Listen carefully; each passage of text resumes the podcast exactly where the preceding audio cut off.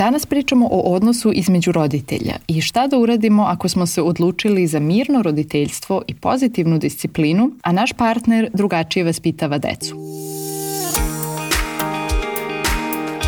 Dobrodošli u Radosno roditeljstvo.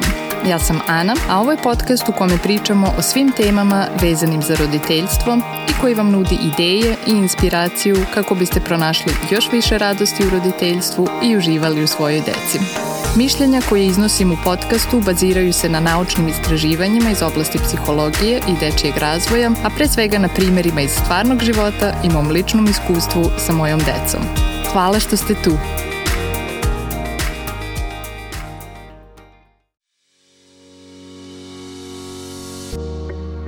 Nesuglasice u vezi sa vaspitanjem i nedoumice u vezi sa tim kako ih prevazići jedno su od čestih pitanja koje mi roditelji postavljaju. Naravno da ima izuzetaka, ali najčešće se desi da su majke te koje se informišu, čitaju knjige, slušaju podcaste, razmišljaju o tome kakve majke žele da budu, čemu teže i trude se da budu svesnije, strpljivije, smirenije, povezanije, postave granice sa empatijom i slično. Tada može da bude veoma teško ako je naš partner često frustriran, nervozan, preti, koristi kazne ili je često odsutan, provodi puno vremena na telefonu, teško mu pada da se poveže sa detetom, da ga razume, da potvrdi njegova osjećanja i slično. U tom slučaju se lako desi da počnemo da mislimo da su naš trud, uloženo vreme i energija uzaludni i da neće imati željeni efekat jer naš partner ne primenjuje te principe. Takođe tada gubimo razumevanje i empatiju za svog partnera, ne nastupamo više kao njegov partner i podrška, nego smo protiv njega. I u toj situaciji je praktično nemoguće da naš partner usvoji nešto od nas i promeni svoj način razmišljanja i ponašanja. Verovatno će se desiti da se još više udaljavamo jedan od drugoga i da svaki roditelj postaje ekstremniji u svom stilu vaspitanja da bi nadoknadio ono što misli da drugi roditelj ne pruža deci. I onda se desi da je, na primer, jedan roditelj dosta popustljiv, a drugi strog. Pre nego što budemo pričali o tome šta možemo da uradimo ako naš partner drugačije vaspitava dete, htela bih da naglasim da ako ste iz bilo kog razloga zabrinuti za sigurnost svog deteta, ako vaš partner primenjuje bilo kakav oblik nasilja, obavezno potražite tražite odmah stručnu pomoć. Situacije o kojima pričamo u ovoj epizodi se ne odnose na bilo kakav oblik zlostavljanja.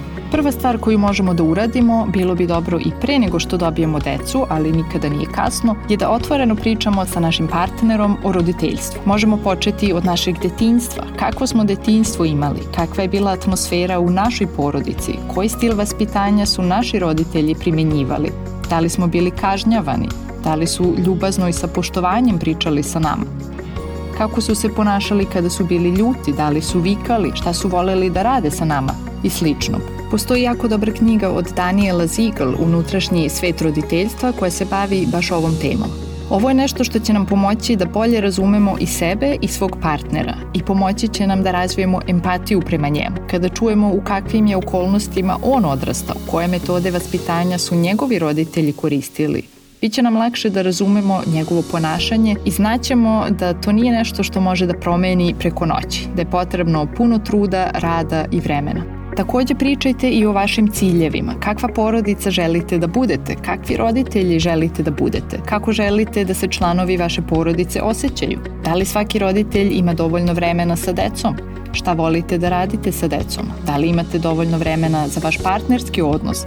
Da li svako od vas ima dovoljno vremena za sebe? Kako gledate na disciplinu, spavanje, obroke i slično. Probajte i da saznate šta je vašem partneru važno, koje vrednosti bi želeo da prenese na decu, kakvi ljudi bi voleo da postanu i probajte da mu pokažete mogućnosti da te ciljeve ostvari na mirniji, pozitivniji način. Na primer, ako vaš partner želi da mu se deca uvek povere kada imaju neki problem, možemo započeti razgovor o tome šta je neophodno za to, kako da sada izgradimo odnos uzajamnog poverenja i poštovanja sa decom. Zatim ponudite mu informacije na način koji njemu odgovara. Neki ljudi vole da čitaju, neki da slušaju, neki da gledaju video, neki da odu na predavanje, neko najviše voli da im vi prepričate najvažnije. I probajte da pri tome vaš stav bude mi učimo zajedno. Umesto da smo mi superiorniji, znamo kako treba i naš muž treba to da posluša. Recite, na primer, meni je ovo bilo jako interesantno, volela bih da to podelim sa tobom. Ili Ovde je baš dobro objašnjeno šta možemo da očekujemo od dvogodišnjeg deteta, da li te interesuje da čuješ. Tako da naš partner osjeća da mi zajedno učimo i želimo da budemo tim, da budemo na istoj strani. U prijatnoj atmosferi, ne u toku neke izazovne situacije, možete na primer reći čula sam nešto jako interesantno što sam želela da ti ispričam.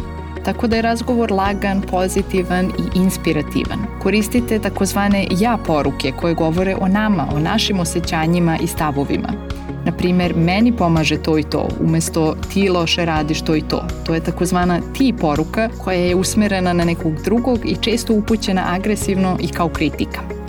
I takođe fokusirajte se samo na jednu stvar koja vam se čini da je najvažnija. Ako stalno kritikujemo partnera i želimo da promeni ponašanje u vezi sa više stvari, on će se verovatno braniti od kritike ili će se povući u sebe i to nas neće dovesti do željenog rezultata.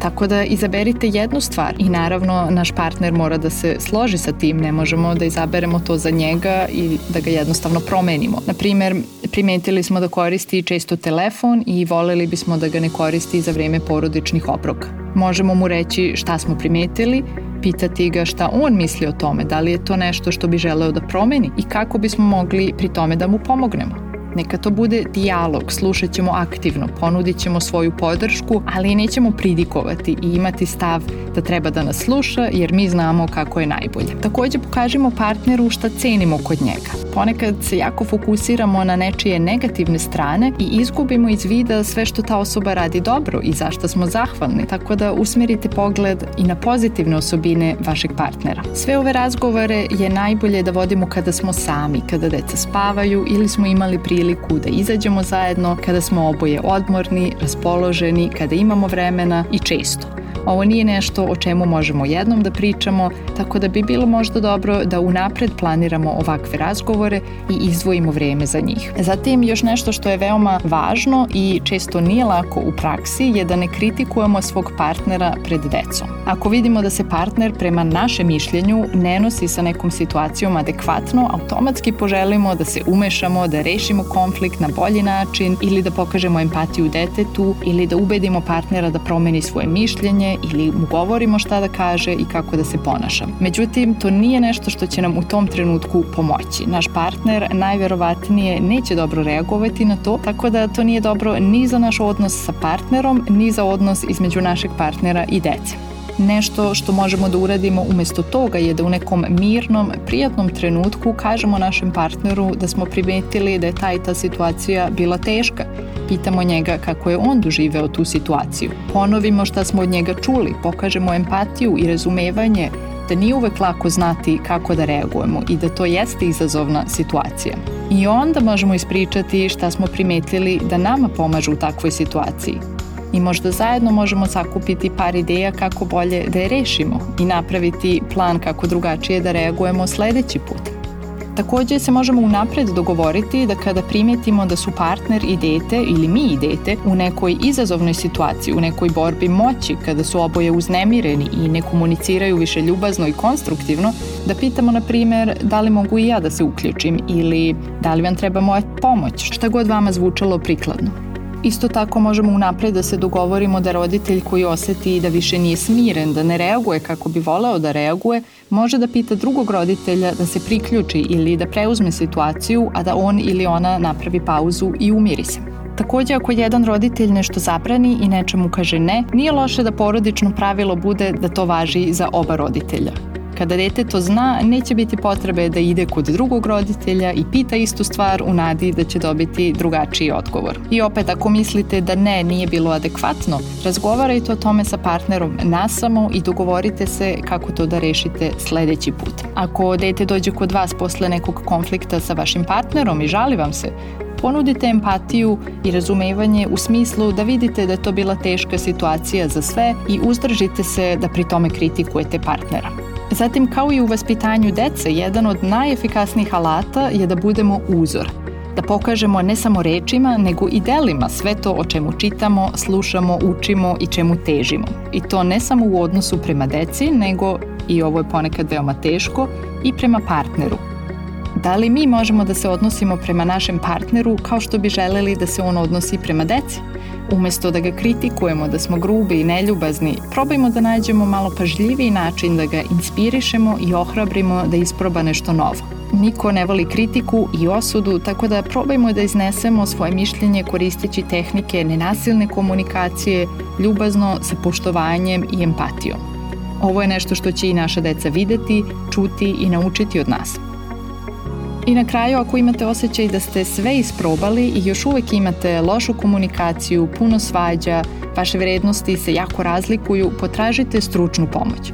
To može biti, na primer, partnerska terapija, koja ima za cilj da partneri nauče da čuju i razumeju jedno drugo, da nauče kako da komuniciraju efikasnije i kako da zajedno pronađu drugačije načine ponašanja koji bi im koristili u prevazilaženju nesuglasica. Da li vi i vaš partner slično vaspitavate decu? Ako se vaši stavovi razlikuju, kako uspevate da prevaziđete te razlike? Javite nam u komentarima uz ovu epizodu na web stranici radosnoroditeljstvo.com. I takođe, ako mislite da bi ova epizoda nekome mogla da koristi, podelite je sa vašim prijateljima.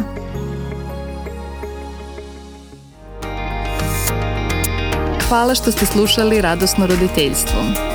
Ako imate neko pitanje, predlog ili samo želite da mi se javite, pošaljite mi e-mail na adresu podcast.radosnoroditeljstvo.com ili popunite kontakt formular na web stranici radosnoroditeljstvo.com. Čujemo se za dve nedelje.